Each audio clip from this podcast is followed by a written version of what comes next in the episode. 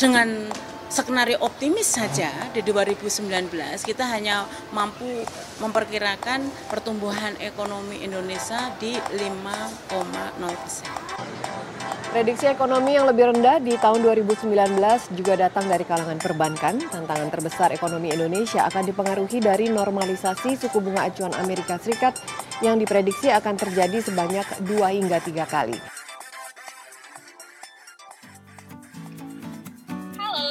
Halo semua. Hai.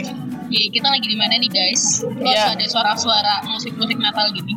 Ya, jadi kita sekarang lagi ada di sebuah mall di daerah Jakarta Selatan.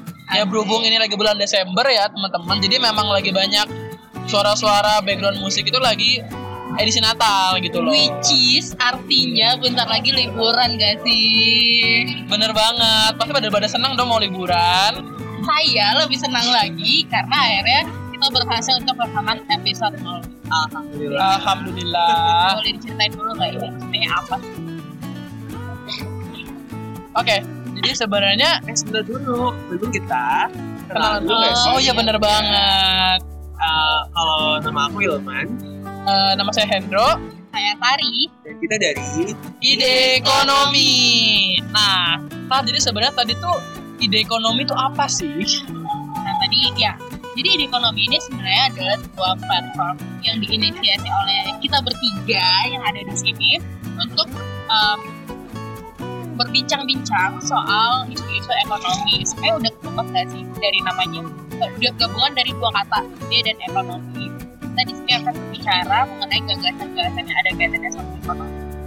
Nah, yang sekarang menjadi persoalan adalah emang seberapa penting sih keberadaan dari ide ekonomi ini, Bro? Nah, jadi mungkin teman-teman pernah nggak sih ngerasa misalnya kayak lagi buka sosial media atau misalnya lagi baca koran atau nonton TV gitu, misalnya ngelihat berita ekonomi, tapi kadang-kadang bingung sama apa yang dibahas. Bingungnya bisa karena memang nggak ngerti sama istilahnya atau mungkin karena nggak tahu konsep dasar seperti apa. Padahal tuh yang jelasin udah para ekonom gitu loh. Itu ibaratnya kayak misalnya kita pergi ke dokter, tapi dokternya nggak jelasin dengan bahasa yang rumit dan kita nggak paham itu maksudnya apa. Nah, kalau teman-teman ngerasa kayak gitu, itu teman-teman nggak perlu takut karena eh, ada sebuah fakta itu kalau misalnya di Inggris, poll dari YouGov itu dari sebuah lembaga di Inggris menyatakan bahwa 12% dari masyarakat itu merasa bahwa ketika media atau politisi berbicara tentang ekonomi itu 12% yang merasa itu mudah dimengerti kayak gitu. Ya, Jadi intinya hanya 12% yang merasa bahwa ketika ngomongin ekonomi itu mudah dimengerti gitu loh. Dikit banget ya. Dikit banget emang. berarti apa yang eh, teman-teman saya rasakan sebenarnya itu juga keluar dari teman saya sih bahwa eh, baru itu juga adalah satu hal yang terjadi di Inggris Iya betul banget. tapi gimana kalau misalnya itu kan tadi kalau sumbernya eh, yang kredibel jadi emang memang isunya dibahas oleh ekonom politisi eh, dan jurnalis-jurnalis ekonomi di media massa Eh, tapi gimana kalau misalnya ada nggak sih eh, satu kejadian di mana eh, narasinya enak gitu. Bisa mudah dicerna analisanya tapi ternyata sumbernya justru nggak kredibel. Nah itu sering banget apalagi di masa zaman kini kan kayak kalau kita buka sosial media tuh gampang banget menyebar isu-isu, menyebar berita-berita hoax yang kadang kita nggak bisa pastikan kebenarannya, nggak bisa pastikan sumber kredibilitasnya, gitu sih. Nah itulah satu jadi yang menyebabkan ide ekonomi ini penting untuk hadir di sini, di mana kita berusaha untuk menyediakan informasi mengenai ekonomi, isu ekonomi itu dengan sumber yang kredibel dan juga dengan bahasa yang mudah dimengerti oleh berbagai pihak oleh awam sekalipun yang mungkin sebelumnya nggak begitu paham tentang ekonomi. nggak pernah ngambil kuliah atau mata pelajaran economics 101 gitu ya Iya, bisa ngerti maksudnya apa udah bisa catch up lah tentang isu-isu terkini gitu loh. I see. Oh, berarti secara tidak langsung dengan kata lain ide ekonomi itu seperti menjembatani pengetahuan dari orang yang ahli atau yang pakarnya ke orang-orang yang awam. Betul banget. Jadi ada Bridging knowledge. bridging knowledge itu ada adalah tagline yang kita bawa di ide ekonomi. value kita tentunya. Betul sekali. Mungkin teman-teman juga bertanya, kenapa sih kita ini bikin kayak gini? Nah, sebenarnya kita bertiga ini itu adalah lulusan S1 Ilmu Ekonomi di sebuah universitas. Nah, kita ngerasa bahwa kita ngelihat nih yang tadi kayak tadi banyak banyak tentang berita ekonomi, tapi disampaikan dengan bahasa yang sulit untuk dimengerti oleh orang-orang pada umumnya. Kayak gitu sih. Ya, jadi um, ketidakpahaman masyarakat uh, terhadap isu ekonomi ini juga menjadi concern kita dan ini adalah salah satu cara kita untuk berkontribusi dalam penyelesaian masalah yang ada. betul banget nah mungkin teman-teman juga bertanya kan tadi kita bilang kita pengen menyajikan eh, suatu platform yang kredibel. Nah itu gimana caranya kita bisa menyajikan hal yang kredibel seperti itu? Jadi di sini walaupun kita bertiga memiliki background ekonomi tapi yang akan memberikan penjelasan terkait uh, isu-isu tersebut bukan dari kita bertiga sih sebenarnya. Kita akan mengundang uh, pakar yang tentunya sudah berkecimpung lebih lama dan mereka juga lebih ahli di uh, topik yang lebih spesifik yang akan kita bahas nantinya. Nah, topik apa aja yang akan kita bahas?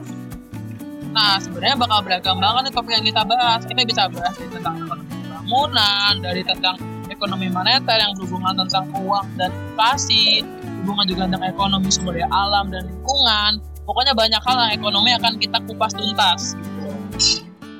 Nah, kalau misalnya kita dengar moneter, fiskal, gitu-gitu kan um, kok kesannya udah kayak intimidating gitu kan, kayak terlalu berat kan. Nah, uh, di ide ekonomi, penjelasan dari para pakar ini uh, juga akan berupa analogi untuk memudahkan kita mengingat konsep dari uh, beberapa istilah di ide ekonomi. Misalnya nih nanti untuk tahu nggak ya buat episode berikutnya Penasaran gak? Penasaran? Minggu depan minggu depan kita akan um, salah satu uh, isu tersebut akan dianalogikan dengan buah-buahan. Jadi ya untuk memudahkan orang lain pendengar mengerti. Karena analoginya adalah sesuatu hal yang relatif lebih uh, sering dilihat. Bener banget.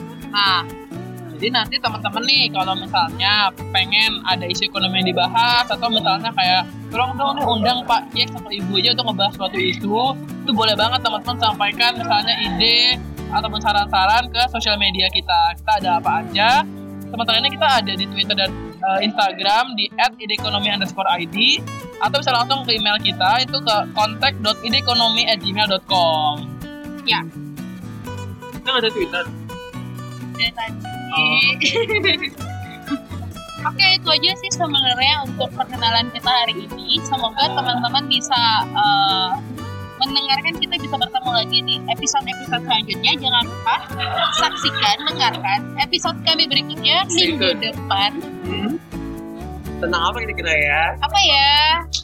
Yang pasti seru ya. Ya. Seru banget karena em, yang menjadi narasumber kita juga ada The Rising Star, ekonomis lah pokoknya. Jadi dia emang ekonom muda yang saat ini sedang naik daun. Ya pokoknya teman-teman tunggu aja ya buat isunya apa, untuk pembicara siapa, tunggu aja nanti ya. Oke, dengan demikian teman-teman Tari Hendro dan Ilman pamit undur diri di ekonomi. Bridging Knowledge.